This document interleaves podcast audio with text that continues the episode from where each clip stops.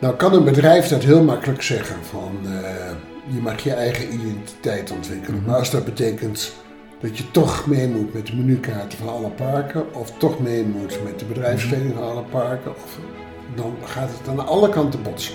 Voor, voor landbouw was dit ook nieuw. Dus de eerste twee jaar heeft het alleen maar geknitterd tussen uh, ondergetekende, de eigenaar aan de ene kant en landbouw aan de andere kant. Ja, ik, ik vertelde achter het schermen altijd naar de medewerkers toe. Lees de gast. Probeer er in vijf minuten achter te komen. Met welk gezelschap zit ik aan tafel? Is er een huwelijk? Is er dit? Is er dat? Luister en ga vervolgens bij jezelf schakelen. Nou, wat ik nu hoor, kan, ik daar iets mee? En medewerkers vinden dat wel heel erg leuk, want vervolgens krijgen ze alle vrijheid en je mag zelf invullen wat, het, uh, wat je doet. En eigenlijk wil ik ook niet uh, weten of horen wat het kost.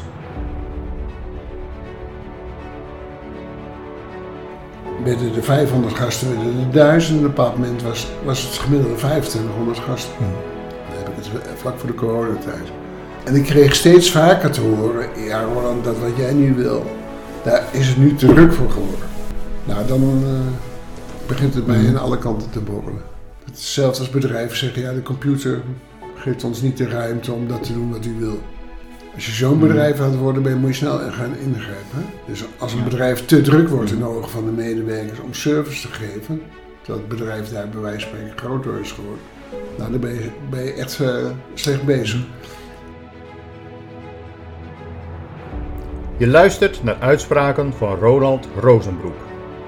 Roland heeft een indrukwekkende loopbaan in de horeca- en leisurebranche doorlopen en heeft als kroon op zijn werk vanaf 2012 tot 2020 leiding gegeven aan het vakantieresort Hof van Saxen in het Drentse Nooitgedacht.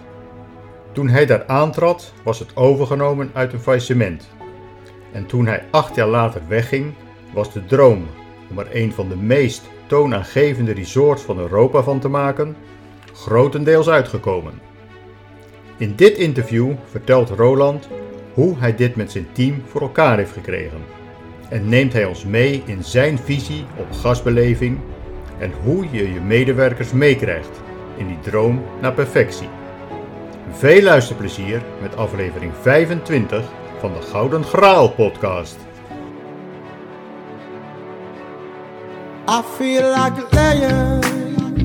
I'm so strong.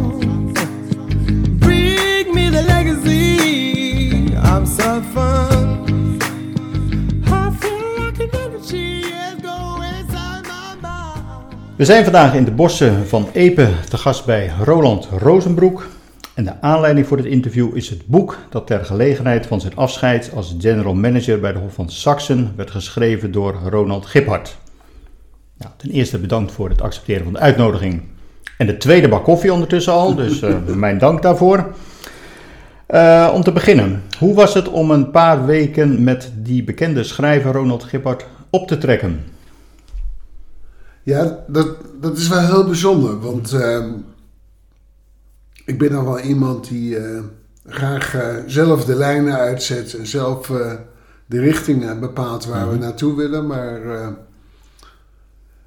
Ronald is echt een, eh, een persoonlijkheid die een bepaald beeld heeft. En dus we moesten op, op een hele prettige manier aan elkaar wennen. En uiteindelijk ontstaat er dan een vorm van samenwerking die bij wijze van spreken van tevoren niet had kunnen mhm. bespreken, maar die uitermate goed verliep. Als ik het boek uh, ook uh, heb ik natuurlijk gelezen, uh, er was wel een bepaalde chemie tussen jullie. Absoluut, hm? absoluut. Ja. dat blijkt er ook wel uit. En het mooie van, van Ronald is, die, die accepteert bij wijze van spreken geen Engels woord, laat staan een, een management uitspraak of kreet. Mhm. Dus down to earth, dat, dat past ook bij dit boek. Dat mhm. was ook de doelstelling. En en volgens mij hebben we dat wel gemeenschappelijk, dat we wars zijn van allerlei poeha. En nou, volgens mij gaat de lezer dat wel herkennen. En als er inderdaad een Engelse term in voorkomt, dan wordt die ook gelijk opgezocht door Ronald Gepard en het uit te leggen. Dus ja, dat is zeker gelukt. Goed, vervolgens wil ik je een drietal dilemma's voorleggen waar je ja of nee mag beantwoorden. En in de loop van het interview dan gaan we wel dieper daarop, daarop in. De eerste. Iedereen kan gastbeleving leren. Ja of nee? Nee. Waar ligt bij jou het zwaartepunt in je stijl van leiding geven? Taakgericht of mensgericht? Mensgericht. Ben je meer een prater of een luisteraar? Ik denk uh, dat uh, de balans steeds meer uh, naar luisteren uitvalt. Dan zullen we niet deze podcast natuurlijk als, als criterium hiervoor nemen, want hier moet je natuurlijk wel voornamelijk praten. Ja. die drie punten die komen ongetwijfeld in de, in de rest van het interview komen die nog, nog terug. even in het kort je, je levensloop. Je bent geboren in 1955 in Wassenaar. En je bent de nummer drie uit een gezin van zes kinderen. Ja. Hard werken en geld verdienen werden in je jeugd een obsessie. Je verliet na korte tijd je bijbaantjes omdat je het altijd beter wist en hierover vaak ruzie kreeg met zijn bazen. Ik verzin het niet, hè? Het, staat in het, in het boek. Als je het niet mee eens bent, mag je natuurlijk zo reageren. Je bent gezakt voor je HAVO, waarop je vader de legendarische uitspraak had: nu zul je je hele leven dubbel zo hard moeten werken om iets te bereiken. Nou, mijn eerste vraag is: is deze voorspelling van je vader uitgekomen? En de tweede, vind je het belang van een goede opleiding dat die wordt overschat om iets te bereiken? Ja, ik vind, ik vind, dit, A, vind ik dit een goede vraag. ga terug mhm. naar je nest, mhm. daar word je toch gevormd. Ook bij sollicitatiegesprekken probeer ik er altijd uh, achter te komen van... Uh, wat voor vlees heb ik in de kuip, mm letterlijk. Uh, maar ik vind dat, dat de uitspraak uh, is uitgekomen. Maar dat ligt niet zozeer aan de kant daar waar je bij wijze van spreken uh, aan het werk mag. Maar ehm, dat, is meer, dat is meer je instelling geworden. Als ik iets doe, ehm, dan moet ik echt zorgen dat de puntjes op de i komen. Uh, want dan gaat het opvallen bij, bij wijze van spreken bij niet opgeleid iemand. Terwijl uh, het bedrijfsleven het verwacht bij iemand die de opleidingen wel heeft gehad. Mm -hmm. Dus ik, ik heb altijd wel een vorm van perfectionisme meegenomen om ervoor te zorgen dat. dat de kans dat ik slaagde er in ieder geval groter door werd. En dat belang van, van die goede opleiding, ben je dat toch wel wat meer gedurende je leven gaan inzien? Ja, ik, ik vind. Uh, ik gruwel van het woord rugzak. Uh, maar ervaring en zeker levenservaring. En ook alles wat je in de tussentijd uh, hebt geleerd. Uh, A, vormt je dat als mens. B, verander je daardoor. Daar ben ik echt van overtuigd. Ehm, dus als ik het overnieuw zou moeten doen, dan zou ik er eerder, zou ik eerder uh, er studies bij hebben gedaan dan wat ik nu heb gedaan.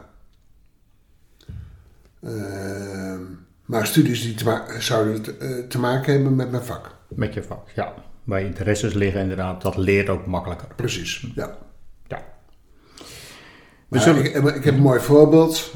Uh, ik heb honderden dingen gedaan in, in, mijn, uh, in mijn ondernemerstijd waarvan iedereen nu zegt, nou dat was marketing puur zang. Mm -hmm. En uh, in de fase dat ik het uh, deed, wist ik nog eens dat het woord marketing bestond. Laat staan wat het betekende. Ehm, dus, dus een goede opleiding helpt wel. Ja. Duidelijk. We zullen niet je hele werkzame leven gaan, uh, gaan behandelen in deze podcast, maar we volstaan hier met de vermelding dat je diverse succesvolle horeca-ondernemingen uh, hebt uh, gehad. Voordat je in 1995 je eerste waarschuwing kreeg met je gezondheid. Je hebt toen alle zaken die je had verkocht en eigenlijk kon je toen op je 40ste al gaan, gaan rentenieren. Na twee weken belde echter Piet Derksen van het huidige Centerparks eh, op of je de horeca en de retail op een aantal parken wilde gaan, uh, gaan leiden. Wat deed je toen de tijd besluit om toch weer zo snel aan het werk te gaan? Nou, laat het zo zijn. Ik vind het moeilijk om uh, van jezelf te zeggen dat je een succesvolle ondernemer bent geweest. Op het moment dat een groot bedrijf als Centerparks belde, A, streelt dat je ego, maar B, en dat vond ik vele malen belangrijker en interessanter, uh, ik had geen ervaring in het grote bedrijfsleven. Mm Dus om in een totaal andere cultuur en een totaal andere bedrijfsomgeving de kans te krijgen, ga hier maar aan het werk. Daar heb ik uh, bij wijze van spreken meteen ja op gezegd. Vanuit mijn interesse van hoe is het grote bedrijfsleven georganiseerd en welke kan ik daar ook mijn stempel drukken. Kijk, als zelfstandig ondernemer of, je bij wijze van spreken je verhaal alleen maar aan je accountant en aan de bank te vertellen en voor de rest, uh, je, doet het gewoon. Uh, en binnen een groot bedrijf, en zeker bij Centerparks, ja, dan werkt uh, de beslisboom wel heel, heel anders. Was dat ook een reden dat toch na een aantal jaren dat het daardoor misging en dat je eigenlijk ermee gestopt bent? Ja, ja. Ja, ik van. Uh, ik, uh, ik heb een fantastische periode bij Centerparks gehad. Ik heb daar ontzettend veel geleerd. Uh, maar ik ben. Zeker in een groot bedrijf als, als Centerparks. en dat was na de fase van, van Derksen. Uh, ga je ook leren wat politiek in een bedrijf is. Mhm. En daar ben ik niet zo heel goed in. En zeker als ondernemer is dat natuurlijk uh, lastig. Dat is echt lastig. Mhm. En ik heb altijd de gedachte gehad van... Uh, nou, stel dat ik carrière wil maken in het bedrijfsleven. Volgens mij kan het maar op één manier. En dat is gewoon je werk supergoed doen. Dan komt de vervolgstappen wel. En ik was er minder goed in om uh, de weg te bewandelen van uh, hoe, hoe verkoop je jezelf goed en ga je dan uh, verder. Mm -hmm. En, en dat was zeker in de fase dat, dat ik bij Centerparks werkte. Toen, waren, toen, toen, was al de tweede eigenaar naar Derksen aan, aan het bewind, Scottish in Newcastle. Nou, toen begon de politiek in het bedrijfsleven een grote rol te spelen. En, en het werd grootschalig en ik kreeg een baan aangeboden op het hoofdkantoor. En ik ben geen uh, man die op een hoofdkantoor moet zitten. Nee, nee. dat is weer een heel andere tak van sport. Uh, nou, ja. We maken de volgende sprongen de tijd. Uh, en we komen aan in 2012. En toen kreeg je het aanbod om GM van het failliete Hof van Saxe te worden. Ja. Wat was daar je belangrijkste motief om daarin te stappen? Um, nou, dat waren er een paar. Uh, ik, ik heb geleerd in, de, in, zeg maar, in mijn carrière, of de keuze gemaakt dat ik graag voor familiebedrijven wilde werken. En, uh, en een familiebedrijf was bijvoorbeeld van de Twil Horeca Groep in, in Nijkerk en Job Heiligers in Amersfoort. En, uh, maar ook zelfs binnen Bols, Bols Nederlands, werkte ik in een af, afdeling waar twee mannen werkten die een hele ziel en zaligheid, uh, zeg maar, uh, als ondernemer in een uh, bedrijf doet. Dus ik, ik, ben altijd gepakt door ondernemers. En bij, ehm, toen in de eerste instantie landbouw belde, toen twijfelde ik een beetje, omdat we bij Centerparks toch wel waren opgevoed van... Uh, het is Centerparks, dan komt er een hele tijd niks. En dan komt er landbouw mhm. en dan komt er weer een hele tijd niks. Uh, maar bij degene die belde, die kende ik goed vanuit mijn Bilderbergtijd. Dat was Bas Hoogland. En die, uh, en die had een enorm enthousiast verhaal. En toen heb ik tegen hem gezegd, nou, ik, ik, ik wil wel verder praten... Mhm. Maar als ik het goed begrepen heb, zit er een familie achter de overname. Uh, dus een van de voorwaarden voordat ik bij wijze van spreken ja zeg, is wel, ik wil wel kennis maken met de familie. En uh, dus ik kreeg wat gesprekken bij uh, Landbouw hier en daar. En vervolgens werd ik uh, aan de eigenaar van, de nieuwe eigenaar van Hoffer voorgesteld, Gerro Vonk. En, uh, en dat is het voorbeeld van de ondernemende de ondernemer uit het familiebedrijf, die uiteindelijk heel groot zijn geworden op, op, op meerdere plekken. En, uh, en die pakte me meteen in het gesprek door niet allerlei duizend vragen op me af te sturen, maar door zijn droom te vertellen. En dan wordt het voor mij interessant. Dus die vertelde dat hij, dat hij had gekocht. En Hofsax, er was al een heel mooi park. Uh, maar er waren wat keuzes gemaakt die wat minder uh, goed uh, uitpakten. En hij vertelde in zijn droom exact wat hij anders zou gaan doen. En toen ik aan hem vroeg, waarom weet je dat al? Want je hebt helemaal geen ervaring met, bedrijfs, met bedrijfsrecreatieparken. Toen zei nee, ik ben vaak gast op Hoofdstraks elk jaar. Dus als ik, ik zit nu aan het roer, mhm. dus ik wil die op A, B, C, D, E, F, G. En dat moet uiteindelijk leiden tot het beste park van, uh, van Europa. Nou, en dat spreekt mij wel aan, want de beste te zijn, dat, dat zit in me. Mm dat, daar, daar, vecht ik voor, dat, dat is mijn, mijn, mijn, werk.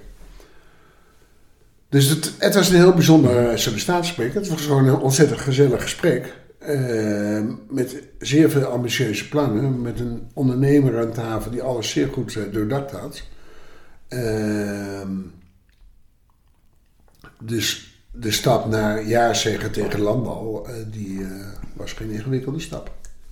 Terwijl ik daarvoor directeur was bij Ricards, een groot bedrijf op het gebied van hospitality. op de zakelijke markt. Ehm, dus normaal gesproken ga je van zo'n groot bedrijf niet naar één park toe. Dan mij zal het een zorg zijn wat mensen erover denken. Dat ene park had een fantastische uitdaging.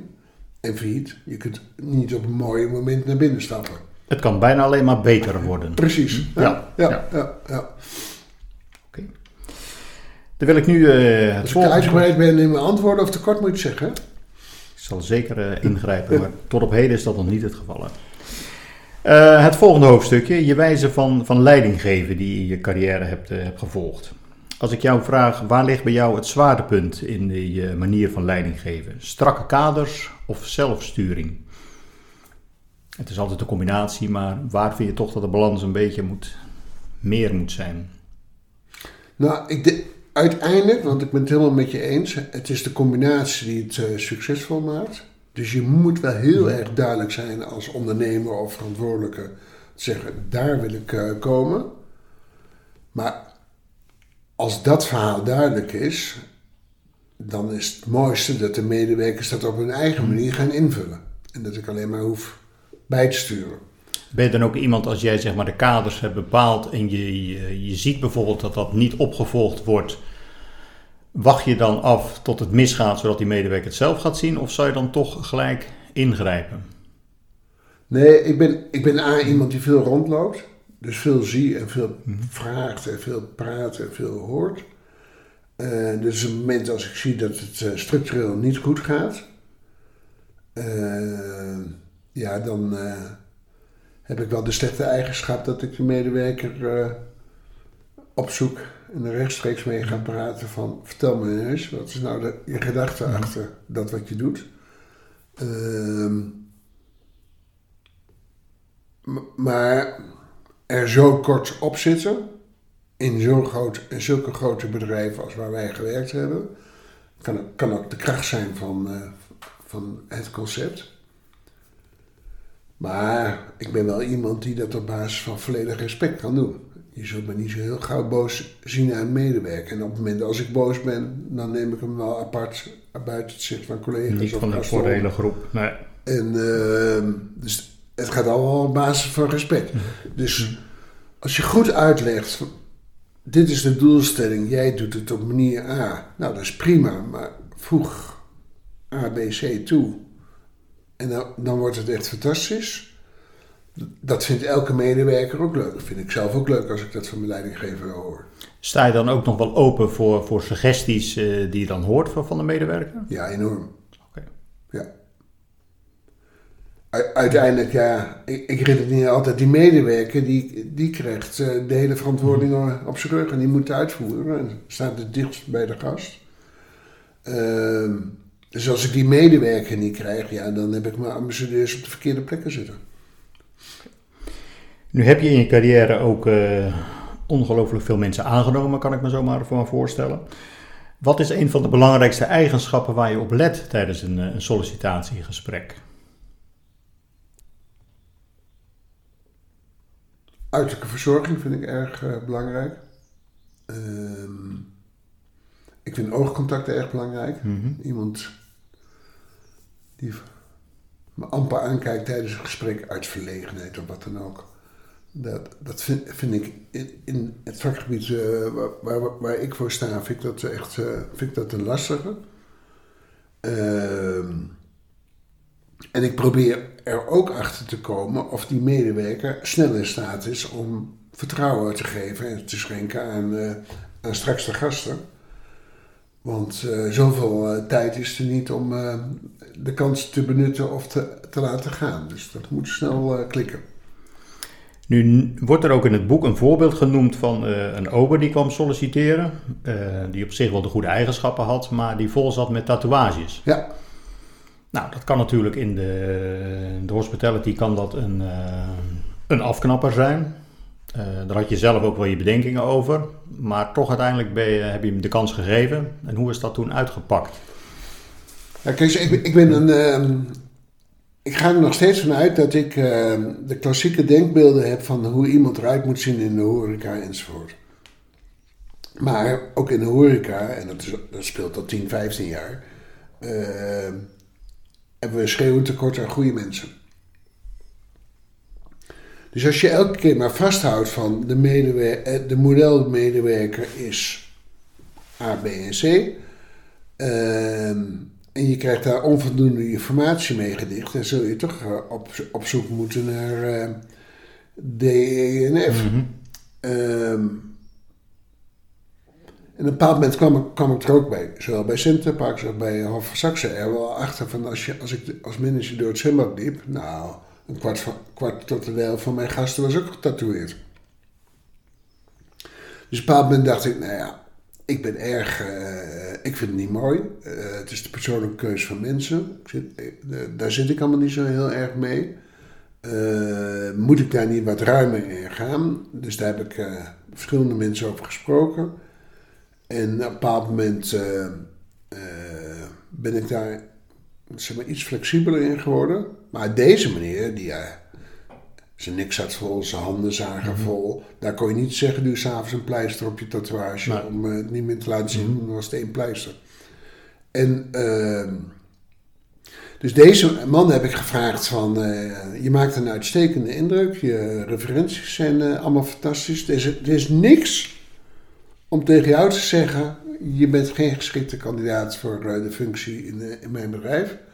Uh, en de enige hobbel die ik moet nemen is hoe je eruit ziet. Mhm. En dat zeg ik met alle respect voor jouw keuze. Iedereen mag doen en laten wat hij wil. Dus ik zei, je moet me daar wel mee gaan helpen. Want uh, als jij fouten maakt of bot bent of gast hier niet invult op de manier zoals wij het allemaal graag uh, zouden zien, dan, uh, dan denk ik dat er heel veel over jou geschreven wordt. Dus laten we eens gaan kijken of we er een sport van kunnen maken dat er daadwerkelijk heel veel over jou geschreven wordt, maar op een tegenovergestelde manier. Meer dan complimenteus. En deze jongen snapte dat als, als geen ander, want die had al meerdere sollicitaties gehad dat hij weggestuurd is. Ja. En, uh, en of het nou een standaard verhaal is, of dat hij uh, bij wijze van spreken het deed omdat het van verwacht had. Ik denk het allemaal niet. Deze, dit is, deze jongen is een goed mens. En kan op een ontzettend humoristische manier uh, aan tafel gastheer zijn. Op, echt op een hele goede manier. En, de, en, en hij kon zijn hobby kon hij op een vreselijke mooie manier vertalen naar kinderen die ook al met ontzag naar hem keken van wat staat er nu bij mijn tafel. Dus uiteindelijk lukte het hem om binnen drie maanden de favoriete gastheer eh, van Hof Saxe te zijn. Nou, dan eh, moet je van goede huizen komen. Ja, Huh? ja. oké. dus Ja. uiteindelijk is dat toch goed, eh, goed uit, eh, Ja. uitgepakt. Ja. Nee, dus. Kijk, ik heb, ik heb in de loop van de tijden wel geleerd van. eh, je kunt el- elke keer je, je eigen droombeeld eh, eh, neerzetten van eh, zo moet iedereen werken.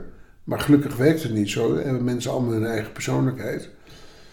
En op een moment is bij mij ook het kwartje gevallen van. eh, het, het maakt het juist interessant en leuk als je met allerlei verschillende type mensen die wel mee willen werken aan die droom, eh, dat, dat samen handen en voeten geeft.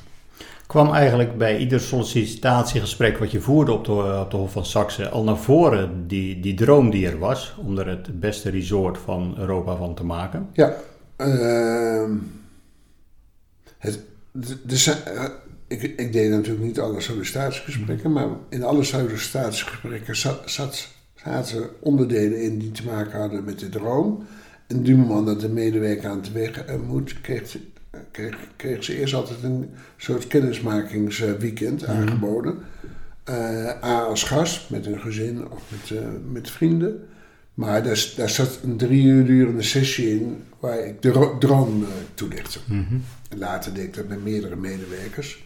Ehm, met andere woorden, voordat de medewerker echt aan de slag ging, en of het nou achter de schermen was of voor, het maakte mij niet uit. Iedereen ging daar naartoe. Ehm, ze konden de droom ko- konden ze je allemaal vertellen. Nog steeds. Dat is wel belangrijk natuurlijk. Ja, Die duidelijke stip, stip Tel de wat- De- ja, waar, waar je wil eindigen. daar komen we zo ook nog even met die jaarthema's komen we er nog Ja. even op, eh, op terug inderdaad. Hoe ging je om, en dat was nog in de beginjaren toen je nog eh, de eigen ondernemingen had, hoe ging je om met de ongezouten kritiek op jouw manier van leiding geven van een studenten biologie die in de bediening voor je werkte? Hoe ik daarmee omging? Hoe je daarmee omging? Ja, ja. ongezouten kritiek staat er in het boek. Ja, precies. Ehm, nou, ik heb echt moeten leren. Dat, dat heeft ook wel eh, vallen en opstaan met zich meegebracht. Dat, ehm, dat je ook wel de tijd moet nemen om goed te luisteren naar wat, wat, de- wat de medewerkers tegen je zeggen. En daar hoef je niet primair op te reageren, maar je moet, ah, je moet ze wel de kans geven van, kan het ook op een andere manier. En, ehm, en daar ben ik natuurlijk uiteindelijk ervaren in geworden. Maar deze medewerker, ik was nogal een rechtse jongen eh, als ondernemer. En dit was een linkse kraakster, letterlijk en figuurlijk. En, ehm, en de- deze medewerker was wel echt lastig. Ir- zo nu en dan irritant lastig. Mhm. Dus eh, op het moment dat het eh, misging tussen ons twee, toen sloeg ook eh, de vonk van verliefdheid over. en toen werd het voor mij heel eenvoudig, want toen heb ik haar ontslagen, zijn een relatie aangegaan en we zijn nu al 35 jaar gelukkig getrouwd. Dus dat eh, is wel heel mooi, hè? Het is toch inderdaad een, eh, een sprookje lijkt het wel. eh. Ja, ja, ja, absoluut. Ja. Ehm, uit het boek komt het beeld ervan naar voren dat je je graag overal mee, mee bemoeit. En, en soms wel een beetje misschien op het, op het irritante af. Had dat dubbeltje in die beginjaren ook eh, bij de Hof van Saxe de andere kant op, op kunnen rollen? Dat ze hadden gezegd van, nou, die persoon die, die, die is veel te lastig. Eh, als die eh, de andere kant op kijkt, dan, dan doen we toch weer onze eigen gang. Of had je gelijk vanaf het begin wel het gevoel, het gaat mij lukken om deze mensen allemaal dezelfde kant op te laten kijken. Nou, kijk, een groot bedrijf als, eh, als Landal, eh Landal heeft, heeft ook een droom. En heeft ook een bedrijfsdoelstelling. En heeft ook een visie hoe je omgaat met medewerkers en wat, ze, en wat je van de medewerkers mag verwachten. Ehm, dus dat is het basis geweest, zeg maar, voor eh, dat wat je geprobeerd hebt om neer te zetten voor, eh voor Hof van Wij kregen echt één unieke kans binnen, binnen Landal. En dat was dat we als eerste park in Nederland, en volgens mij zijn we nog steeds de enige, uh, ons eigen merk mochten bouwen. Het, mocht, het werd niet Landal uh, Saxen, maar het werd gewoon, het werd Resort Saxen. Onder, uh, in de marketing en sales werd door uh, Landal gedaan, dat, dat, op het moment dat de gast bij ons was, had hij geen idee dat hij bij Landal was. Hij zou overal Saxen. Nou kan een bedrijf dat heel makkelijk zeggen van uh, je mag je eigen identiteit ontwikkelen. Mhm. Maar als dat betekent dat je toch mee moet met de menukaarten van alle parken, of toch mee moet met de bedrijfskleding van alle parken, of, dan gaat het aan alle kanten botsen. Voor, voor landbouw was dit ook nieuw. Dus de eerste twee jaar heeft het alleen maar geknitterd tussen ondergetekende, de eigenaar aan de ene kant en landbouw aan de andere mhm. kant. Uh, want Landal wilde gewoon dat je meeging in de vaart der volkeren van Landal. En, uh, en wij wilden dat absoluut niet. Nou, en dat zijn de gevechten daarvan, uh, kun je me wakker maken. En die vind ik erg leuk. Ik heb altijd een mooi voorbeeld wat ik dan geef is... we hebben 1968 gehad, de EK voetballen in Duitsland. Rinus Michels was trainer, dat was aanvoerder. En een van de pijlers van het succes bleek achteraf het afzetten tegen de Bobo's, de mhm. KNVB. Ik ben wel heel erg behendig om een eigen cultuur op een park te maken vanuit de insteek. Jongens, Landbouw wil A, maar we willen A plus B. Maar als we dat doen, dan krijgen, weet ik zeker dat we weerstand eh, creëren. Want het is dan altijd, zij moeten het weer op een andere manier doen. Mhm. Maar als wij ervoor zorgen dat die andere manier altijd uh, door de gast beter wordt ervaren, of meer oplevert, nou, noem alle succesfactoren maar op, dan ga je op een bepaald moment ga, ga je een, denk ik een sfeer krijgen dat, dat ze zeggen, laat ze, laat ze hun gang maar gaan. Komt wel goed. Dat, dat hebben we echt bereikt. Maar dat heeft al twee. Ze hadden gerust in de eerste twee, drie jaar kunnen ontslaan van je bent niet loyaal genoeg naar landbouw. Het moet wel een succes worden, want anders dan sta je zwakker. Ja. Maar als het succesvol is, dan is het ja. duidelijker. En ik heb ook wel massa gehad. Hè? Mhm. Ah, ik zeg nu ik, maar het is een geweldig team wat het heeft gedaan. Maar wij zaten, we zijn weer open gegaan aan het begin van de financiële crisis. Ehm, en heel veel mensen hebben toen uh, twee, drie jaar lang achter, uh, achtereen uh, jaarlijks niet hun vakantie in het buitenland doorgebracht, maar in Nederland. Mhm. Dus het was de goede tijd voor ons type bedrijf uh, om gasten weer terug te krijgen en iets neer te zetten dat ze allemaal weer terugkomen. Ja, en dat is gelijk een mooi bruggetje naar het eh, begrip hospitality. Letterlijk vertaald betekent het gastvrijheid. in de praktijk betekent het echter veel meer dan warm onthaal en een goede service. Het is een manier van denken en van, van doen. Is dat gevoel voor iedere gast anders, denk je? Of kan je er toch wel grote gemeenschappelijke delers in ontdekken? Oh, goeie vraag. Um,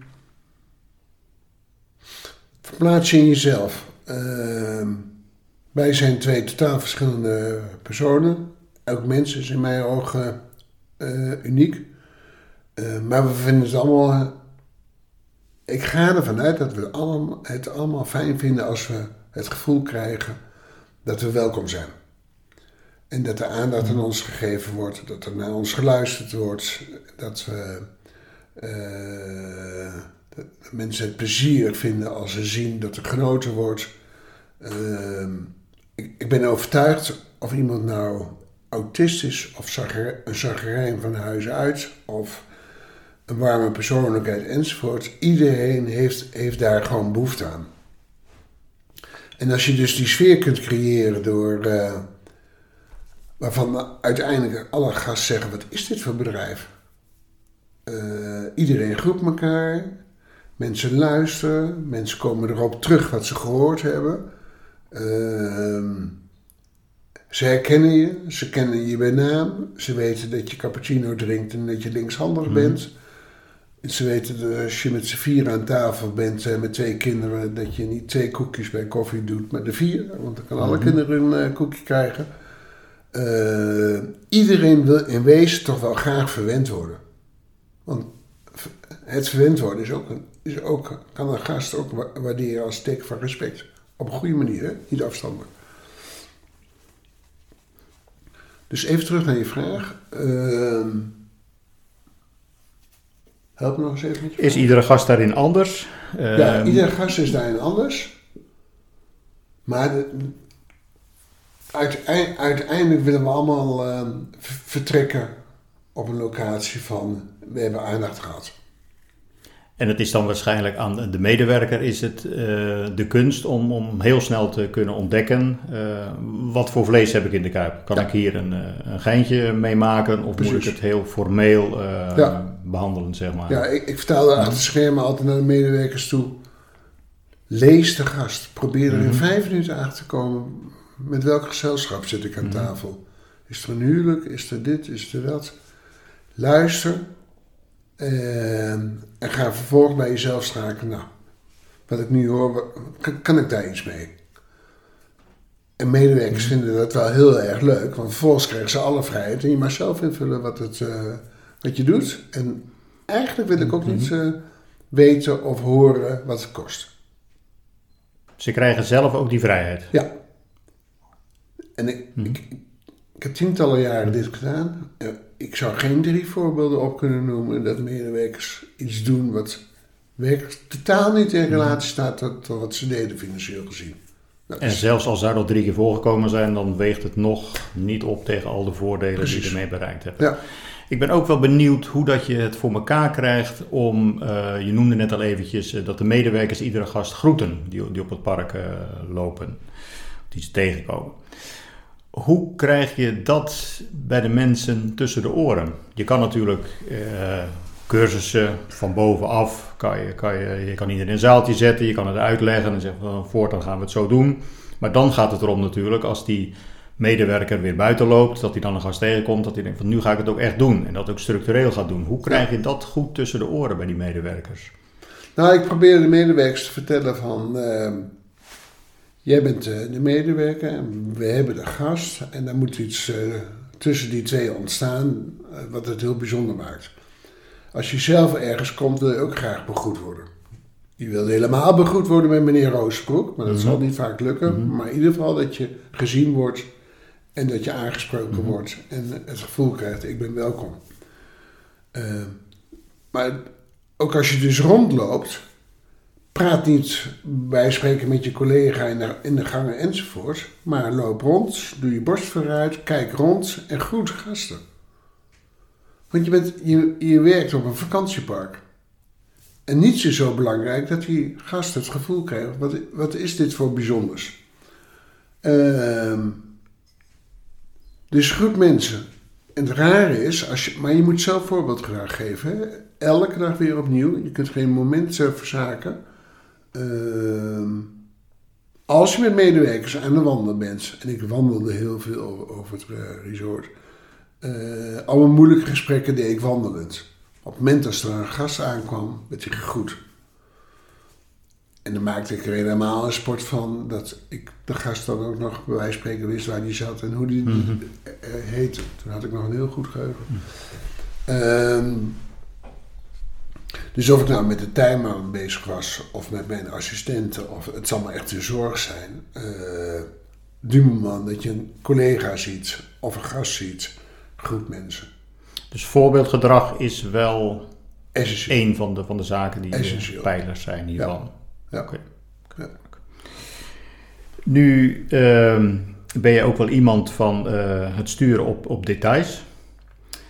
Ik vraag me dan af, wat denk je wat de maximale grootte is eh, voordat je span of control erbij te groot gaat worden? Want het is bijna ondoenlijk. Nu, nu weet ik ook dat jij op het park ook, eh, ook, woonde, zeg maar. Dus je was er van, eh, van s morgens vroeg tot s avonds laat. Dan, dan liep je ook al rond, dus dan kon je heel veel zien. Maar er zijn natuurlijk wel bepaalde grenzen. Ik bedoel, als het park, het resort, twee keer zo groot geweest was, dan was het al een stuk moeilijker geworden, bijvoorbeeld. Wat denk je wel wat, wat een soort wat nog behapbaar is?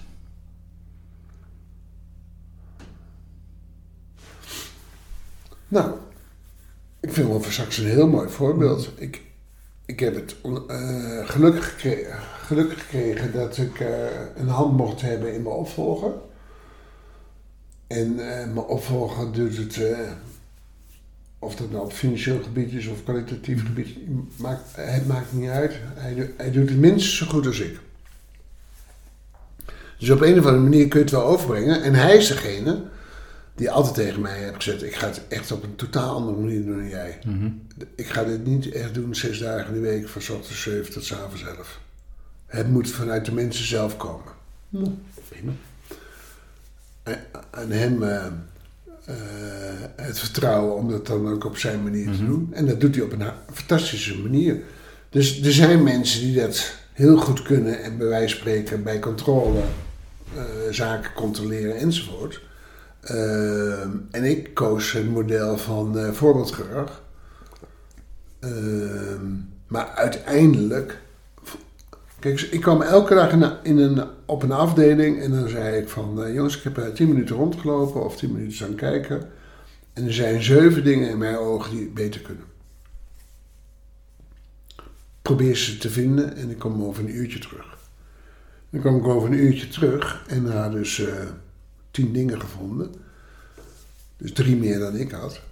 En uh, uiteindelijk ontstond er een soort sfeertje op het park van. Uh, uh, Roland eh, zal straks al langs mm komen. Staat, staat, het klaar zoals mhm. we hebben afgesproken, mhm. zoals alles altijd klaar staat. Of draaien we zoals we draaien mhm. moeten. Als je daar open met mensen over praat, zo'n sfeertje kan gaan, gaan leven. Dat iedereen het leuk vindt van hoe zorgen we ervoor dat het echt picobillen klaar staat. En dat er helemaal geen punten zijn die nog aandacht behoeven. En er zijn altijd punten. hè? Mhm. Maar het leuke is, ik, ik noemde er zeven, maar ze komen zelf met tien. Mhm. Waarvan ik denk wel vier of vijf punten die ik zelf nog niet ontdekt had. Nou, geef ze dan ook de ruimte. Ben je dan in de loop der tijd ook minder controlerondes gaan doen of ben je er toch wel bovenop blijven zitten? Of was het op een gegeven moment van jou? Nee, mijn sport werd wel uh, A, doe, uh, zorg dat, het, dat uh, het geen vast patroon wordt, want mm-hmm. dan gaat iedereen op vaste patronen werken. Ehm, en durft ook rustig eens een paar dagen niet langs te komen mm-hmm. op een afdeling. Ehm, maar het hoort niet bij me dat ik het loslaat. Eigenlijk is hospitality en leisure heel makkelijk uit te voeren met, met, met de volgende stelregels. Maak het persoonlijk. Wat wil een gast zonder dat hij weet dat hij het wil? Nee is geen antwoord. Dat zijn een aantal uh, opsommingen daarvan. Als het eigenlijk zo eenvoudig klinkt, waarom wordt het niet overal in de leisurebranche of in de dienstverleningsbranche wordt het overal niet toegepast? Volgens mij ben je dit interview begonnen met de vraagstelling kun je van iedereen een goed gastheer een goed gastvrouw maken. Klopt, ja. Nou, volgens mij uh, zit hier het antwoord. Mhm. Ik heb als antwoord gegeven nee. Mhm. je, je, hebt het of je hebt het niet. En als je het niet hebt, kan je heel veel dingen leren. Maar daadwerkelijk gastheer of vrouwschap, dat is wel verdomd moeilijk om iemand te leren die het niet heeft. Kan het ook niet door het voorbeeldgedrag dat mensen er toch sluimerende wat in zit toch tot, uh, tot volle wasdom komt? Of denk je van echt dat je moet een bepaalde. 1 op de 15 heeft het hmm. niet. Dan moet je ook niet te veel energie in hmm. steken. Moet je niet te veel aan de erger, daar moet je gewoon afscheid van nemen. Ik, ik, ik heb uh, mensen in mijn bediening gehad uh, waar ik tegen zei van... Uh, ik vind het zo, zo mooi om het volgende te zien. Als jij rondloopt dan ben je nou niet de meest vrolijke medewerker die ik ken. Maar du moment dat jij begint te praten of je begint te mhm. lachen, dan ben je echt een fantastisch mooi mens. En dat meen ik ook uit grond van mijn hart. Kun je daar een beetje rekening mee houden? Want op het moment dat je niet praat of niet lacht, dan kijk je echt, mhm. ik geef de definitie aan, heel zagrijnig. Mm Je hoeft me één keer te vertellen je moet medewerkers ook op een spoor helpen. Mhm. Maar op een bepaald moment als ik zagrijnig uh, beneden kwam uh, vanuit mijn kantoor, dan ze, durfde, waren er ook medewerkers tegen me zeggen van, je hebt zeker een zware dag achter je rug. Dan zeg ik, hoezo? Mm. Nou, je kijkt zo strandzagrijnig. Mm. Dus als je op dat moment dan ook niet acteert zoals je met elkaar hebt afgesproken, mm. gaat het ook helemaal mis, Herhaal de vragen, dat ik zeker weet dat ik hem volledig beantwoord. Dat is een hele belangrijke Nou ja, omdat het eigenlijk, bedoel, op papier is het allemaal zo makkelijk. Ja. Ik bedoel, uh, maak het persoonlijk. Ik bedoel, als je een winkel binnen, binnenstapt, wat voor winkel het ook is. Ik bedoel, de manier hoe dat je begroet wordt, uh, tegemoet getreden wordt, uh, is, is al 50% zeg maar, hoe je, welk gevoel dat je de winkel weer zal, zal verlaten. Dus dan denk je van, het is heel makkelijk, dus iedereen moet het eigenlijk wel, wel kunnen en kunnen toepassen. En toch gebeurt het. Ja. Lang niet overal. En dat is eigenlijk best wel, wel bijzonder. Ja, ik, ik, ik, ik blijf ervan overtuigd. Uh, je hebt het. Ik, heb nou, mhm. ik, ik, ik, ik zit nu een jaar in de, in de malle molen van de medische wereld. Mhm. Maar ook, ook in ziekenhuizen maak ik er mee. Je hebt empathische artsen en verpleegkundigen waarvan je zegt wat een geweldige mensen dat ze dit uh, dag in dag uh, uit uh, op kunnen brengen. En je hebt ook mensen dat je denkt van hoe is het mogelijk dat ze gekozen hebben voor dit beroep. Misschien dat ze wel heel goed zijn, maar de, de patiënt wordt er letterlijk en figuurlijk niet beter van. Dus je moet, je moet wel iets hebben hoor. En, maar dat is, dat is toch ook niet erg? Gastheer of gastvrouwen zijn, hospitality, dat is echt een beroep. Het is zelfs een beetje een roeping. Uh, en dat, en dat voor, voor dit soort. Uh, ik ben niet geschikt voor de politiek, maar ik vind politiek een geweldig vak. Uh, maar het heeft ook een beetje met, met, persoonlijkheidskenmerken te maken. Zo, ja. ja. Nu had je bij de, de Hof van Saxe had je altijd jaarthema's. Ja. En eigenlijk uh, makkelijke, kortlopende motto's. Uh, ik heb er drie uh, uitgehaald uit het boek. De eerste is altijd meer doen dan een gast verwacht. De tweede van een 7 naar een 9. En de derde, we hebben op de Hof van Saxe niet 3000 gasten, maar we hebben 3000 keer één gast.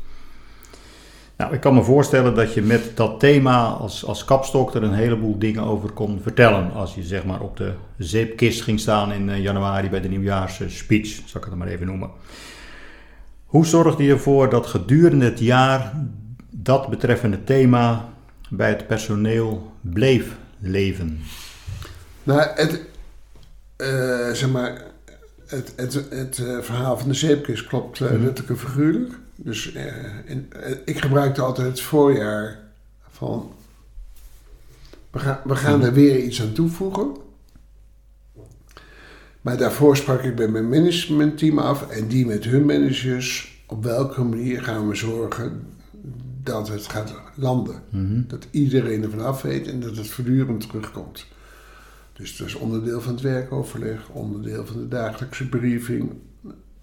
Er waren wel zeven, acht ankers, waar, waardoor de medewerker bij wijze van spreken deze dingen. Als, als jij hun s'nachts belt en je zegt noem er eens vijf op, dat ze dat kunnen. Mhm. Eh, maar, maar ook als je een compliment, compliment gaf van. Nou, dit was een 7 of een 6 en je hebt er nu daadwerkelijk een 9 van gemaakt vertel dat soort dingen, juist als er heel veel mensen in mijn buurt staan. Hè? Alle complimenten van gasten hingen overal in de kantine zichtbaar voor Jan en alle man. Vanuit de insteek van uh, dat wat we goed doen, gaan we, dat delen we voortdurend samen. De complimenten we delen we voortdurend samen. Dat, dat dat beter kan, doen we zoveel mogelijk individueel. Iedereen moet zich veilig mhm. voelen. Uh, ja, als je dat spel vol kunt houden, het is echt volhouden, ja, dan ontstaat er wel iets moois. Maar op een bepaald moment komt er een vliegwiel, hè? Want dan gaan ze op elkaar letten mhm. en gaan ze elkaar corrigeren. Elkaar aanspreken, ja. Uh, dan, moet je, dan moet je echt ook drie passen mm terugzetten. Laat ze nu maar aan mhm. gang gaan. Want denk je niet, ben je dat ook al niet tegengekomen in je arbeidsleven, dat sommige organisaties hele moeilijke, complexe jaarthema's maken, die eigenlijk veel te ver van het bed van, van de medewerkers eh, afstaan? Ik bedoel, dit zijn concrete zaken. Van een 7 naar de 9, dan weet je gewoon, er moeten stappen extra gezet worden. Op, op wat voor terrein dan ook. Ik bedoel, dat, dat is duidelijk, simpel. Maar er zijn ook heel veel organisaties die heel veel hoogdravende thema's hebben. Verschrikkelijk. Die eigenlijk, je noemt dan in het voorjaar, stond je nog op de zeepkist, maar die waarschijnlijk in de zomer al lang eh, vergeten waren. Ja, eh. ja. Maar een bepaald moment uh, begon half straks weer te lopen. En uh, werden de 500 gasten, werden de 1000. Op een bepaald moment was, was het gemiddelde 2500 gasten. Hm. Dan heb ik het vlak voor de coronatijd.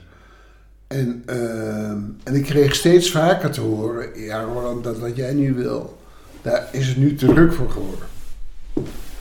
Nou, dan uh, begint het bij aan alle kanten te borrelen. Hetzelfde als bedrijven zeggen, ja de computer geeft ons niet de ruimte om dat te doen wat u wil. Als je zo'n bedrijf aan het worden bent, moet je snel gaan ingrijpen. Dus als een bedrijf te druk wordt in de ogen van de medewerkers om service te geven, dat het bedrijf daar bij wijze van spreken groter is geworden. Nou, dan ben je, ben je echt uh, slecht bezig. Dus een simpele tekst als. We, we hebben het komend weekend niet 3000 gasten, maar 3000 maar één gast. Zie ze als individuen, niet als het is zo druk en vol en uh, massaal. Het rare is, dan, dan snapt de medewerker aan wat je bedoelt. En, en B, is die druk van zo, met 3000 gasten. Wordt in één keer de sport. Gaan we dat doen met 3000 gasten? Ja, gaan we doen met 3000 gasten. In je boek uh, wordt ook beschreven dat je een, een regel uh, hebt. Vervang iets voor het kapot gaat. Hoe ver ben je daarin gegaan? Nou, bel Landal. Mm. Dan vinden ze dat ik een dure jongen ben. Mm uh, ik, ik ging daar heel erg ver in. Uh, Hoofdstraks is, is in mijn ogen heel groot. is een heel groot terrein. Uh, er is altijd wel wat kapot. En het was mijn sport, maar het hoorde ook bij mijn instelling van... Uh, en dat gaan we met z'n allen voorkomen, dat er iets kapot is. Want op het moment dat er één ding kapot is, en ik ben daar rotsvast overtuigd dan zijn er toch gasten die dan denken van, uh, nou, het maakt me lijkt me niet meer uit, dit kan ook wel kapot. Ik vind altijd het mooiste voorbeeld is uh, de Tuschinski filmzaal in uh, Amsterdam. Ik vind dat een van de mooiste theaters in, die ik ooit gezien heb. Overal ligt fantastisch tapijt.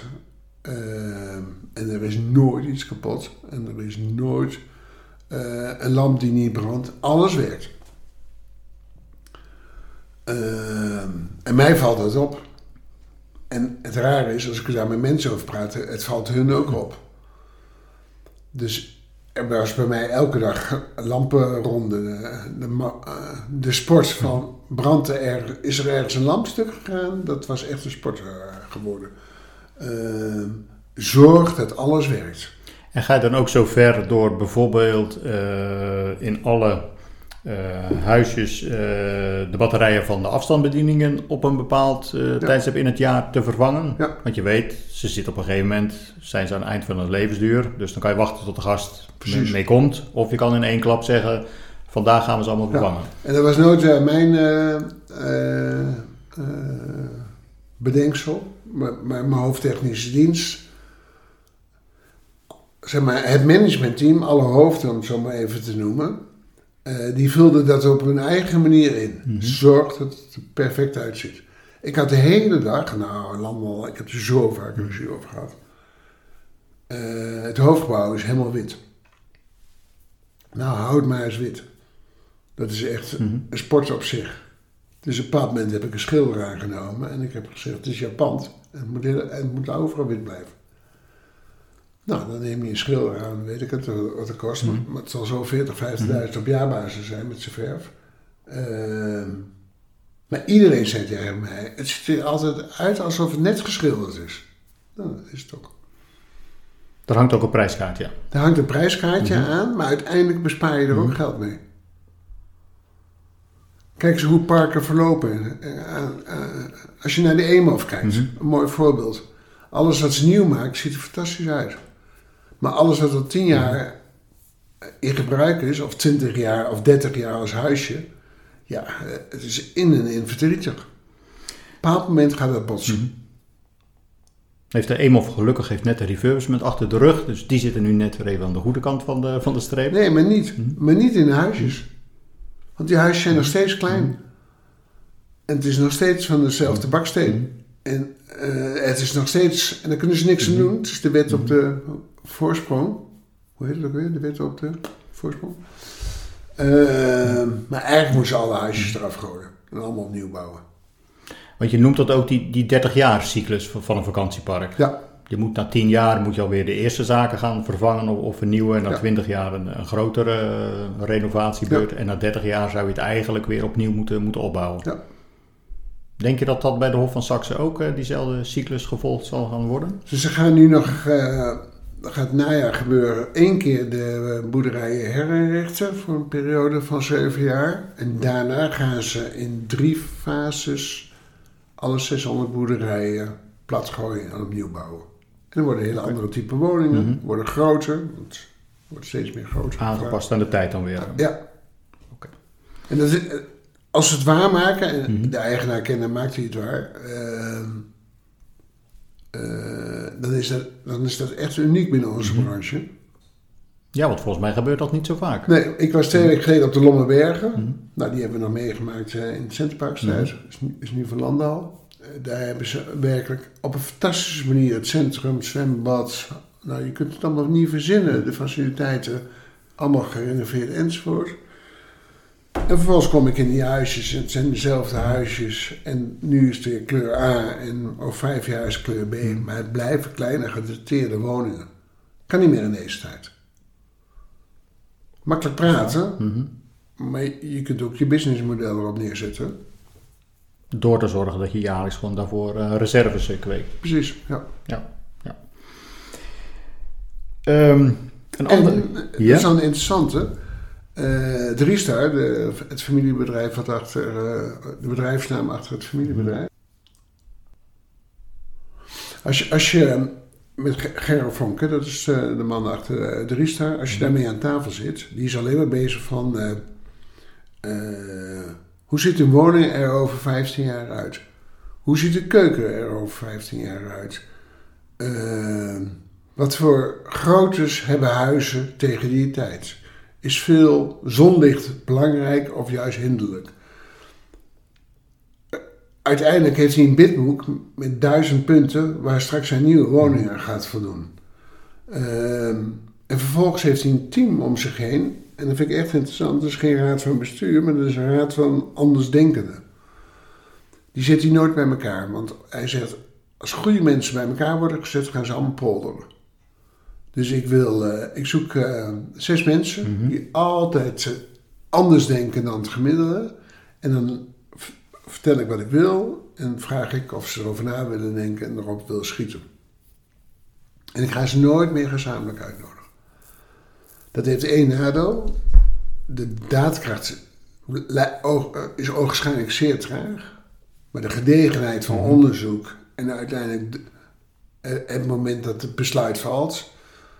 Ik heb nog geen besluit genomen en we hebben echt ontstellend veel geld al uitgegeven. Ehm, waarvan we zeiden van in praktijk, verkeerde keuze. Ik zal je een voorbeeld geven. Dan ben ik nog zo perfectionistisch. Op een bepaald moment zegt hij tegen mij van... eh, ik wil in alle luxe boerderijen, nou laat het 150 zijn... wil ik eh jacuzzi ba- baden in de badkamer. Gaat regelen. Kom met een voorstel. Dus ik ga daarmee aan de gang en twee, drie maanden later nodig ik hem uit. En dan komen we in de ruimte en dan heb ik eh, vier, vijf jacuzzis neergezet. Die eh, eh, met allerlei bedrijven geweest enzovoort. Waarvan ik zei, nou deze, deze zou ik aandurven. En hij kijkt naar die baden toe. En de eerste vraag die hij aan me stelde is, welke zit het lekkerste? Volkomen normale vraag. Dus ik kijk hem aan. Ik zeg in alle eerlijkheid, ik heb in geen enkel bad gezeten. Toen zegt hij tegen mij, vul nu alle baderen. En we, gaan, Mhm. eh, we trekken een zwembroek aan en we gaan een uurtje met elkaar Proef zitten. proefzitten. Het is zo simpel, maar zo belangrijk. Als wij in een meubelzaak zitten, dan zitten we een half uur in de bank voordat we besluiten of we hem wel of niet eh, kopen. Maar we willen hem even voelen. In het bed Mhm. denk ik ook. En, en, en met andere woorden, als hij een, een badkamer, eh, nee, het, een keuken inricht, dan heeft hij een paar voorstellen, laat hij een paar prototypes maken. En dan eh, nodigt hij in één keer eh, tegen vrouwen uit enzovoort. Van jongens, eh, gaan jullie het weekend eh, gezellig met je clubje er naar binnen toe, maar wees kritisch. En dat is een heel lastige manier van werken. Het kost heel veel tijd. Het kost ook denk ik veel centen. Maar eh, uiteindelijk heb je daar weer een fantastische keuken staan. Want alle kinderziektes die erin zitten of, of ongemakken die je over het hoofd ziet Ja, als je het niet gebruikt, die zijn al eh, Ja. eruit gefilterd. Ja. eh, ja. Er is ook een, een bekende kreet. Eén peuk kan het begin zijn van de ondergang. Ja. Eh, en dan hebben we ook nog het, eh, het vlindereffect en de broken windows. Nou, dat zijn de drie achter elkaar, zeg maar. eh. kun je die uitleggen? Ja, dat is een beetje mijn Tuschinski-verhaal. Als je zorgt voor een nette omgeving, als je zorgt dat het allemaal werkt, je hebt niets op aan te merken, dat wat geschilderd moet worden, is geschilderd. Dan gaan mensen op een zeer respectvolle manier met alles om. Er is ook een hele theorie, er is ook een hele studie aan gewijd. Volgens mij zijn we het park met de minste prullenbakken buiten. Maar ik denk dat we een van de schoonste parken Mhm. van Nederland zijn. Want als er geen enkel peukje, papiertje ligt op de grond, dan zullen mensen ook niet snel Precies. de eerste zijn die het Nee. neergooien. Ik, ik ben overtuigd dat het zo werkt. En dat heeft ook eh, die broken window theorie, die heeft er ook mee te maken. Als er ergens in een buurt, hebben ze wel eens eh, getest, eh, één raam kapot is, dan duurt het niet lang of de tweede raam is ook Ja. kapot of de volgende vernieling eh, gebeurt. Zodra alles nog intact is, blijft het zo. Ja. Dus onbe- Eh, onbewust gedrag eigenlijk Ja, van precies. mensen. Mhm. Maar, ehm, en dat geloof ik wel, weet je dat een eh, leaseauto na drie jaar gebruik, dat de experts kunnen zien, dit is de eerste drie jaar een leaseauto geweest of een auto van Mhm. een particulier. Een auto van een Mhm. particulier ziet, is twee keer zo goed voor gezorgd als de auto van een leaseauto. Want de leaseauto is toch niet voor mij. Hij is niet van mij. Ik lever hem toch weer in na een paar Ja. jaar. Dat is toch ten zotte? Eigenlijk heeft dat te maken met gedrag van mensen. Onbewust gedrag eigenlijk. Ja. Want ze zullen het niet bewust doen, maar onbewust is het toch zitten in het achterhoofd. Na drie jaar inleveren, nieuw ophalen. Ja. En dat heb je ook met dat peukje. Als er al, eh, al drie peuken liggen, dan kan die vierde en die vijfde kan er ook wel bij. Ja. Ja. Weet je wat eh, Max Jacob, ken je de naam Max Jacobsen nog? De naam ken ik, ik heb hem persoonlijk eh, nooit mogen ontmoeten. Max was in mijn tijd GM van de Huttenheugd en daarna is hij de Big Boss geworden. En, eh, en Max die heeft mij ontzettend veel dingen geleerd. Maar Max leerde mij ook als je een cruciale functie hebt. En daar eh, voer je sollicitatiegesprekken voor. En je hebt twijfel over iemand. Weet je wat ontzettend kan helpen? Een beetje nadenkend over welke functiedoelstelling je hebt. Maar in 8 van 10 functies is het noodzakelijk. Als, je, als het gesprek beëindigd is, loop met hem naar zijn of haar auto. Hoe die auto er van binnen Mhm. uitziet, zegt zo ontzettend veel over de mensen. Dus ik ben daar eens op gaan letten en ik ben echt een pietje precies met mijn Mhm. auto. Ehm, maar ik denk dat daar heel veel in zit. Hoe kun je nou in één keer zorgen dat je bureau al de picobello klaar is, terwijl je in een auto rijdt waar, waar de honden geen Mhm. brood van is. En heeft niks met, met deuken of model of wat dan ook te maken, maar is je auto gewoon netjes, is schoon en verzorgd. Ik, ik geloof daar wel in. Ging je ook zo ver, want dat heb je bij de eerste personeelsbijeenkomst op het Hof van Saxe ook gedaan. Eh, Toen lagen er nog wat eh, papiertjes eh, Ja. op, op de weg naar de, naar de zaal toe, waar dat je zeg maar je, je toespraak hield. Eh, en dat heb je ook gebruikt in die toespraak om mensen te vragen van waarom zijn jullie langs die papiertjes gelopen en hebben niet de moeite genomen om het op te rapen. Ging je ook zover bij sollicitanten dat je net voor je deur nog iets, iets neerlegde of op het parkeerterrein? Okay. Een heel simpel ding. Ik zit uh, mijn schilderij schreef op mijn kamer. Mhm. Wat aan de wand hing. En dan was het gesprek beëindigd en dan liep ik met hem over haar de gang op. En dan zei ik van, wat is jij opgevallen in mijn kantoor? Nou, dat valt maar twee van de tien op. Vind ik zo vreemd. Want als mensen het niet tijdens een sollicitatiegesprek opvallen... Op het moment dat je het dan benoemt, dan vergeten ze de rest van hun carrière niet. Hè? Maar je moet, je moet ze blijkbaar wel even helpen ermee. Kijk, als je rondloopt, kijk rond, kijk ga staan, goed, maar kijk gelijkertijd, er branden alle lampen, hangen alle schilderijen. Nou, er zijn duizend dingen die allemaal netjes moeten zijn. Gebruik je wandeling om, om ervoor te zorgen dat het spikkerspan is. Oog voor detail. Ja. Als rode draad komt in je boek ook je, je stijl van vragen naar voren. Het wordt ook omschreven als management bij questioning.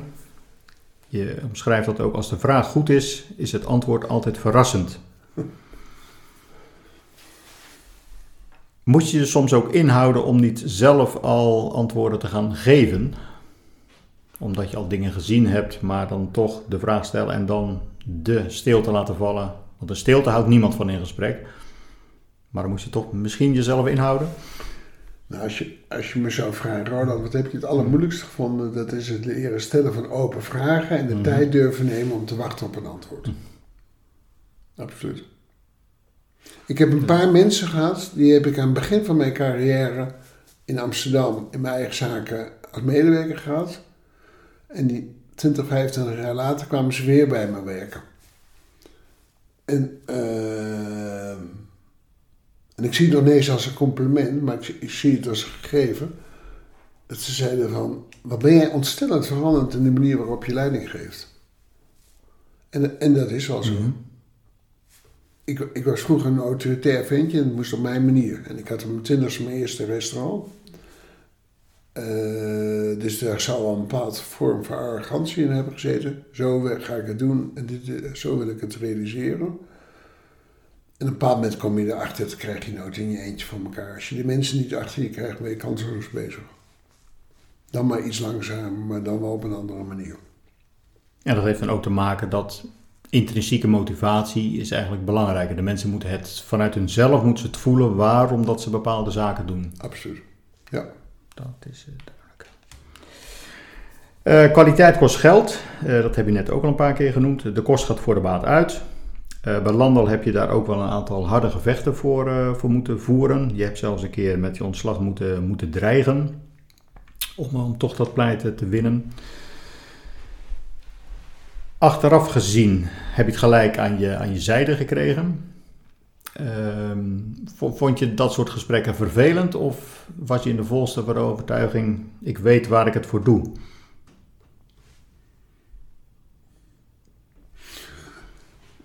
nou, kijk eens. Ehm, wanneer ik het vervelend begon te, uh, te, vinden als ik het zo moest spelen. Uh, om te realiseren dat je moet dreigen met je, met je sleutels op tafel te leggen.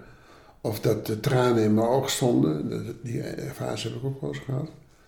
Uh, daarmee kun je ook je kunt, ook, eh, je kunt ook zeggen, het heeft lang geduurd voordat je de andere kant ervan mm overtuigt. Als je dan naar mijn vraag zou stellen, waarom duurde het zo lang? Dan zou ik eerlijk gezegd het antwoord uh, niet weten. Uh, maar ik, ik, ben wel heel goed om op een rijtje te zetten, oké, ik wil dat realiseren. Het lukt me niet. Welke punten ga ik nou opschrijven om, uh, om keuzes te maken dat het me wel gaat lukken. Probeer je dan ook te verplaatsen in, in, je, in je andere gesprekspartners? Ja, ja. Uh, en juist hun mee te nemen in, in, in je droom of in de, in de realisatie van de droom. Uh, dus hoe wars ik ook was van politiek in het begin, uiteindelijk uh, manipulator vind ik een beetje negatief. Maar uiteindelijk, eh, wist ik de politiek ook heel goed te bewandelen om dat voor elkaar te krijgen wat ik graag wilde. Maar het was altijd gericht op het bedrijf, niet op personen. Ehm, en, prettig, en prettige daarvan is, uh, het is respectvoller in de relatie die je hebt met de ander. Nu is de NPS-score ook een, een bekende kreet in de, in de dienstverleningsbranche. Ehm, de score op Soever is eigenlijk ook een, uh, nou ja, voor, voor, ik noem het dan maar even voor het gewone publiek is dat een, een belangrijke graadmeter. De meeste mensen kijken toch eventjes op, op Soever voordat ze ergens een, eh, een boeking plaatsen, of het nou binnenland of buitenland is. Ik heb pas even voor de Hof van Saxe opgezocht en dan stond hij op, op een 7,7 dat, dat is goed, maar, maar dat is niet spectaculair. Nee. Heb je, heb je daar was het een totaaloordeel of schoonmaak? Ja, dat was een totaal uh, oordeel ja. van alle onderdelen. Eh, heb je daar nog een verklaring voor waarom dat dan toch niet nog een stuk hoger is? Of is er een ander publiek die het uh, daar misschien niet op invult? Nou, kijk, wat wij, waar, wij in de... Ik ga er nu maar even vanuit. We hebben drie jaar corona gehad. Mm -hmm. En dat heeft nog wel zijn wissel getrokken. Uh, en als je kijkt naar de drie grote parken, uh, Vennebos, Lommenbergen, uh, dat zijn allemaal parken die op basis van de faciliteiten die ze hebben gasten laten boeken.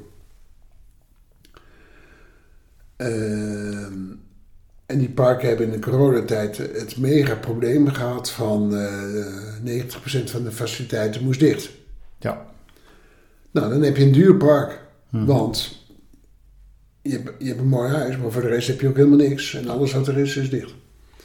Ehm, en je hebt ook parken van landen al die midden in de bossen staan, geen faciliteiten hebben, hele mooie huizen, mm markeert allemaal niks aan. En die scoren allemaal negers. Maar dat zijn allemaal gasten en daar zit geen enkel disrespect in.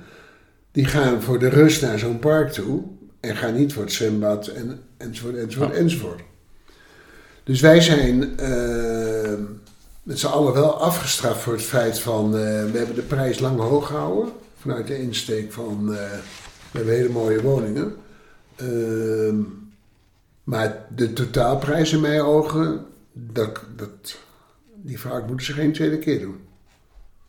Als 80% van je faciliteiten dicht zijn, dan is, en het is een heel ingewikkeld mhm. vraagstuk. Hè? Wat doe je dan met je prijzen? Want op het moment als je het in de vrije val laat gaan, kun je een type publiek krijgen. Kom er maar weer eens af.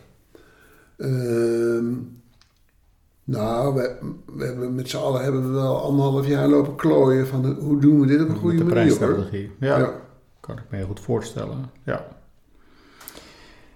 Ik denk als ik even terug ga naar uh, de beginvragen, de dilemma's. Eh, de drie, iedereen kan gasbeleving leren. Nou, is uitgebreid aan de orde gekomen. Het antwoord is nee. Maar we zouden het ook om kunnen draaien en zeggen: 14 van de 15 kan het wel, of heeft het wel. Dus dat is dan ook alweer het, het positieve daarin.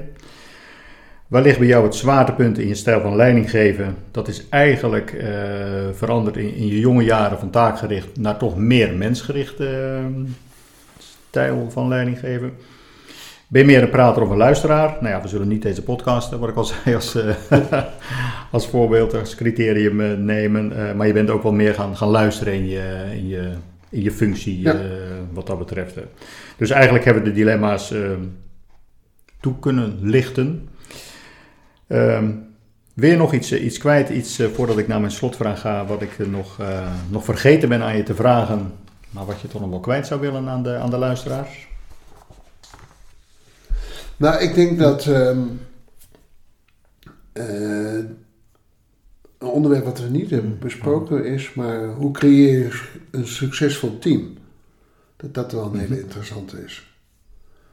Dat, uh, ik heb uh, bij Centerparks heb ik geleerd om in kleuren te denken. Bij landbouw heb ik geleerd om in type managers mm -hmm. te denken. Maar uiteindelijk ehm, Stel je hebt een clubje van acht mensen nodig die samen de kar gaan trekken. Hoe selecteer je die? Hoe zorg je dat het een team wordt? Hoe zorg je dat ze elkaar aanvullen? Uh, ik denk dat dat echt cruciaal is. En de chemie tussen de mensen. Is ook heel belangrijk? Ja, absoluut. Mhm. ja. Ik, ik ben overtuigd als ik een zakelijke relatie heb met iemand, dan, dan kunnen, we, eh, kunnen we prima leveren. Maar dat wat we juist willen op Hof van Saxe, van een 7 naar een 9, dat wordt in een alleen zakelijke relatie, zonder dat er ook een goede vonk is, wordt, wordt het een stuk moeilijker. Ik, ik denk wel eens van, ik vind het in de politiek, ik kijk daar echt met grote verbazing naar. En ik weet nog niet of het uh, uh, succesvol of niet succesvol gaat worden. Is van, uh, dus nu een nieuw kabinet. En iemand heeft me wel eens het vergelijk gegeven van. Van de Sar staat in de spits en Kluivert staat op doel. Mm -hmm. En noem maar op. Kaag is in één keer minister van Financiën. Mm -hmm. En Hoekstra is in één keer minister van Buitenlandse ja. Zaken. Dus de, de sleutel van het succes zit ook wel in de teamsamenstelling. Dus, en mijn teamsamenstelling zijn, kan ook zijn het F&B-team wat, wat de horeca trekt. En de keukenteam wat de horeca trekt. Het kan het MT zijn wat, wat zeg maar de eindverantwoording met zich mee heeft. Op heel veel plekken. Team. En hoe selecteer je op het team? Daar moet je echt met je mensen over praten. Selecteer je dan ook op dat mensen bijvoorbeeld in een managementteam... Uh zeg maar boven hun eigen vakgebied ook uit kunnen, kunnen komen. Want soms zijn er natuurlijk ook tegengestelde belangen. Een hoofdtechnische dienst uh, zal een ander belang vanuit zijn vakgebied hebben als bijvoorbeeld het hoofd van de financiën. Ja. Want het hoofd van de financiën die wil op zich ook wat eindproduct goed hebben, maar ook tegen de meest redelijke efficiënte kosten. En een hoofd van de TD die zal zeggen, ja, ik heb meer geld nodig om het zeg maar op, op dat gewenste niveau te krijgen. Dus dat is al een tegengesteld belang. Hoe ging je daarmee om in een managementteam? Maar uiteindelijk is er één centraal belang. Als je mm -hmm. dat met z'n allen durft te verwoorden en durft er tegen te zeggen, ja, daar gaan we met z'n allen voor, kun je vervolgens de vraag terugleggen. Oké, okay, we hebben allemaal onze eigen agenda. En we willen allemaal een uitstekend in onze functioneringsbeoordelingen. Hoe gaan we dat dan met al die verschillende belangen, gaan we het dan uh, toch voor elkaar krijgen? Als je het probleem in de groep legt, komt er een oplossing. En ik heb wel geleerd, op het moment als ik met die oplossing aankom dragen, gaat het niet werken. Had je vaak al wel een oplossing in gedachten, maar hield je die nog voor je? Ja. Met de jaren steeds meer. Oké. Okay. Probeerde je ze ook wel die kant. Ik heb één slimme assistent gehad die na drie jaar tegen hmm. mij uh, uh, zei van uh, Roland, ik de vraag die je nu stelt, die eh, vind ik heel begrijpelijk. Ik ben ook heel benieuwd naar eh, het antwoord dat we gezamenlijk gaan bedenken. Maar zou jij het, zou jij het gewenste antwoord eh, op de achterkant van de flip over willen zetten? En het was het antwoord uiteindelijk ook? Ja. Oké, oké. Uh, nu vertelde je al in ons voorgesprek dat je ook al een aantal van mijn podcast uh, hebt, uh, hebt, geluisterd. Dus het zal ook niet de verrassing zijn, mijn, mijn slotvraag. En nou ja, je kwam er net al eventjes op in, in, in de politiek. Wat zou je eerste beslissing zijn als je morgen minister-president of minister van Economische Zaken, als je, het, als je die liever ambieert, die functie, wat zou je eerste beslissing worden? Of wat zou je in ieder geval hoog op de agenda willen zetten? Nou, door mijn ziekte ben ik ehm, heb ik alle hoorzittingen meegemaakt met betrekking tot uh, de toeslagenaffaire. Mm Nou, en ik vind dat we daar als Nederland echt een mm gigantische flater hebben geslagen. We zijn al een jaar en twee maanden verder dan het kabinet daarop viel. En mm we hebben het nog steeds niet gecompenseerd betaald, hoe je het ook wil mhm. verwoorden. Ik, ik vind dat onbestaanbaar.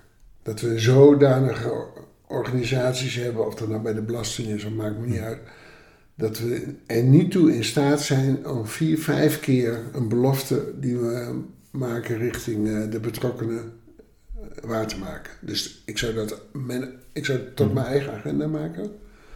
Uh, en ik vind. Uh, en ik zou minister Kaag even apart nemen.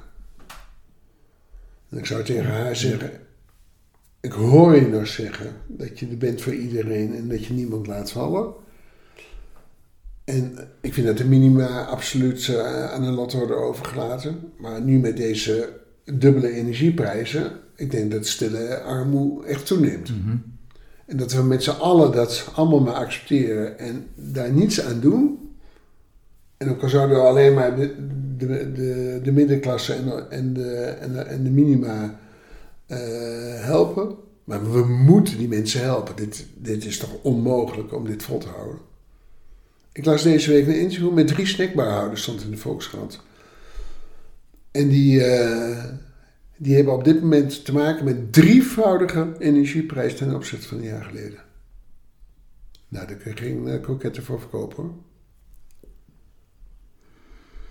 Dus wat, mijn antwoord is eigenlijk van, en, ik, en ik ben liberaal en ik ben niet trots op de afgelopen tien jaar, eh, maar we moeten echt oog hebben voor stille armoede. Duidelijk. Dan wil ik je bedanken voor dit, eh, voor dit gesprek. Ik heb het gevoel dat we nog uren door zouden kunnen, kunnen gaan. Maar we zitten al op, eh, op ruim vijf kwartier. Dus eh, nou ja, wie weet wat er in de toekomst nog gaat gebeuren. Maar voor. eh, Mag ik iets zeggen? Natuurlijk. Ik ben vaak geïnterviewd, maar ik ben zelden geïnterviewd iemand die zich zo goed heeft voorbereid zoals jij hebt gedaan. Eh, en als dit dan een hobby is, een grote compliment. Nou, dankjewel. Echt, eh, echt En dat, eh, dat komt ook uit intrinsieke motivatie, die we al noemden in het gesprek. Dus, Ja. Helemaal goed. hè. Dankjewel. Goed zo. Je hebt geluisterd naar het interview met Roland Rozenbroek. Wat mij het meest aan dit prettige gesprek is bijgebleven, is zijn vermogen om van een grote ambitie op hoog niveau, namelijk het beste resort van Europa maken, dit in de dagelijkse aansturing voor de medewerkers in behapbare stappen uit te kunnen leggen. Voorbeelden zijn: we hebben niet 3000 gasten, maar 3000 keer één gast. En altijd meer doen dan de gast verwacht. Daarmee heeft iedereen dagelijks een duidelijke richting in zijn werkzaamheden. Voor nu bedankt voor het luisteren. En mocht je nog meer over service willen horen, kan ik aflevering 15 met de bekende marketingdeskundige Paul Moers aanbevelen. Tot de volgende aflevering van de Gouden Graal podcast. I feel like a lion. I'm so strong. Bring me the legacy. I'm so fun. I feel like an energy is going inside my mind. Easy. I'm so fun. Come on, let me breathe.